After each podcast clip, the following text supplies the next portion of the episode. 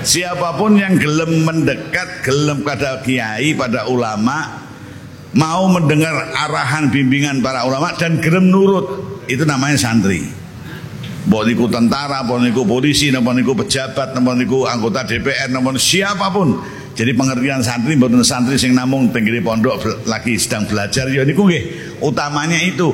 Tetapi pengembangan selanjutnya semua yang gelem nurut baik kiai mau menerima bimbingan dan tuntunan kiai niku santri. Alhamdulillah. Nah, dengan pengertian niku maka kita ajak orang-orang ini untuk mau mendengar petunjuk arahan bimbingan para ulama. Sing insya Allah nek urip niki dibimbing dituntun kali para ulama nah kabeh.